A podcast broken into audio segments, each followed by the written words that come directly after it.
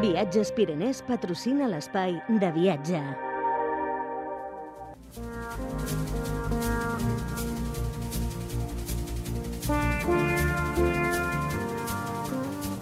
Què, teniu ganes d'anar de viatge? Jo, jo ho entendria, eh? La Palma, què us sembla com a destí de viatges? Doncs anem a parlar-ne amb Pedro Soguero, de Viatges Pirinès. Pedro, bon dia. Bon dia, què tal? Jo bé, bé, i si he de parlar d'anar a la Palma, doncs igual millor. Pues millor, millor, sí, sí. Per què, per què la Palma? Vosaltres trieu... Eh, evidentment aquest és un espai de viatges patrocinat i que ens ajudeu a desenvolupar, i trieu els destins. Per què avui heu triat la Palma? Pues La Palma porque es eh, una isla bastante desconeguda, porque es petita y clar, hi ha gent que diu, va, si, pues, si vaig, jo que sé, a Tenerife o a Gran Canària, pues, eh, després em puc apropar i fer una excursió eh, d'un dia o de dos dies, però no, no, hi ha més dies. Eh, per veure bé la isla de la Palma, la illa de la Palma, pues, cal mínim una setmana. Està, és, és molt completa, és molt diferent. Ah, i això per què?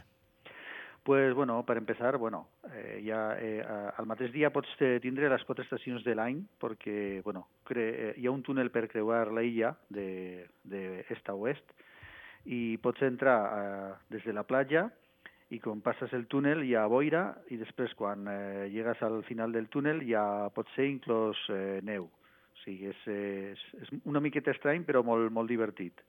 Pues està bé això, perquè jo així des de la distància t'hagués dit que allò, així a bote pronto, eh, que és eh, paradisia, que hi ha bona temperatura, i ja m'estàs dient que no, que tens molts climes diferents en una sola illa, i a més molt petita. Sí, sí, pots estar a la platja pues, banyant-te i després dius, pues mira, vaig a pujar a la muntanya, que clar, eh, pujas en pocs quilòmetres de 0 metres a la part més alta, que està el Roque de los Muchachos, que són 2.426 metres, i ja dic que, que fa fresquet pero bueno, merece la pena, por eso eh, tienes que portar en la maleta de tot, eh? o sea, lo que es el bañador, ropa de una miqueta d'entretemps i algo d'abric si vols pujar a la muntanya. I, I és un destí molt triat? Eh, està de moda? Mm, bueno, una miqueta fa un any o dos, així una miqueta per el morbo del, del volcà que havia, que havia esclatat, però bueno, no és un destí molt, molt turístic, no, no hi ha grandes massificacions, Eh, de fet, l'única, diguéssim, la, la part turística, que era Puerto Naos, encara està tancada pues, per el CO2 que encara surt del, del terra i bueno, era la zona, diguéssim, més eh, amb botigues i tot això turístic, però aquesta està tancada. Entonces, clar, les altres eren més, eh, més així salvatges, perquè també pots fer senderisme, eh, i bueno, és una, una illa molt escarpada, però això no, no hi ha massificació, és molt, molt tranquil·la. Has mencionat un detall que és interessant. Eh? eh hi ha o no hi ha ja turisme de catàstrofes? Que això ens ho van explicar eh, quan va passar tot el que va passar allà amb el volcà, i van dir, és que això generarà turisme de, de després, no? de la postcatàstrofe. Ja, ja està passant això? Pues no, no gaire, la veritat. Jo vaig anar precisament perquè tinc un amic que, que té una, un negoci rural allí, unes cases rurals, i vaig anar a veure'l, i bueno, pues no hi havia gaire gent que així a prop del, del volcà. El volcà estava a 5 quilòmetres de on té el meu amic la, la caixa, la, la casa. Molt a prop. Però no, no havia gaire gent, i això que sí que es podia apropar bastant al, al volcà i veies pues, les, les cases que havia arrossegat i bueno, encara el volcà encara tenia fum quan vaig anar. Però no, no hi ha, no hi ha molts curiosos. Jo pensava que sí, però no, no. Jo, jo vaig pensar, quan ho vaig veure, ara no recordo qui va ser, un portaveu autoritzat, eh? em va parlar de, crec que de turisme de, de Canàries, que això acabaria passant, i vaig pensar que era una declaració una mica atrevida, però també al mateix temps t'ho pregunto per, per, per si això està succeint o no. Perquè sí que és veritat que pot generar una certa curiositat, veure què és el que ha passat després d'un fenomen natural com aquest i com ha quedat tot, tot plegat, perquè ens van passar una setmana o, o dues, eh, ben bé, veient el que passava a la Palma. Sí, Clar, jo quan vaig anar també pues, eh, vaig a visitar gent que tenia negocis que encara estaven tancats, que bueno, a data d'avui alguns ni han cobrat res, ni indemnitzacions, la carretera estava sense fer, i clar, les carreteres allí són molt petites, molt estretes, entonces bueno, si vas ahí, pues lo millor és a llogar un cotxe petit, perquè clar, no hi ha, no hi ha distàncies ni, ni autopistes ni res, però sí que ben bé havia visitat eh, les zones més afectades, perquè anava de passada, i encara pues, quedava molt per fer, però ja dic, eh, en principi estaven eh, eren molt positius i tot això que no havien cobrat res, com dic, però, però estaven pues, animats per tornar a obrir els negocis.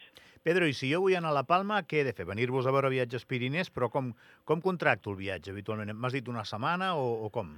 Sí, jo dic mínim una setmana. Bueno, tenim eh, vols directes de low cost, que jo pensava que no, però vaig, vaig agafar un, un vol de low cost. Pensava que tindria que fer algun transport, però hi ha dates que, que pots anar directament. Luego això, a llogar un cotxe petit, eh, ja dic, jo, jo vaig llogar un Fiat 500, però una miqueta més gran tampoc passaria res. I després, pues, els hotels, ja està la zona de La Palma, la, la capital, que és molt bonica, que té pues, la Calle Real, el passeig marítim, hi ha un museu naval, i moltes cases així tipus eh, dels indians, que, bueno, eh, tipus colonial.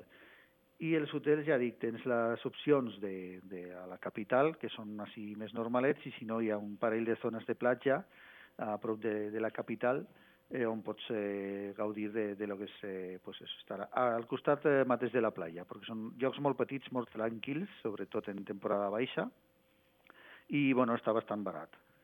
Jo pensava que m'anaves a dir que igual no hi havia tant vol directe, i m'has dit que sí, eh? Sí, sí, jo em vaig sorprendre perquè sí, vaig eh, buscar i hi havia pues, eh, moltes dates vol directe des de Barcelona. No, millor, millor. Per, Sí, sí. per, per aquest destí en concret, eh, molt millor. Em pensava que m'haguessis dit, doncs m'has d'anar aquí, agafar un ferri, no? una cosa d'aquestes. Sí, pot ser que molta gent pues, no vol aquest destí perquè pensa que això, que tens que fer transbord a Gran Canària o a Tenerife, però no, no, eh, sortosament pues, eh, hi ha vols de Vueling que van directes. És molt car, això?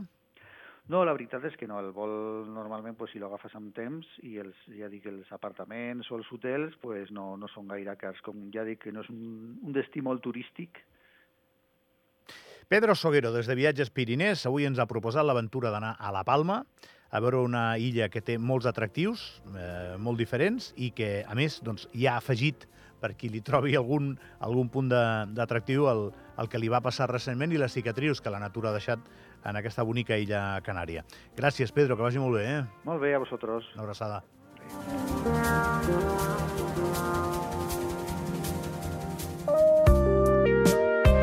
Viatges Pirenès ha patrocinat l'espai de viatge.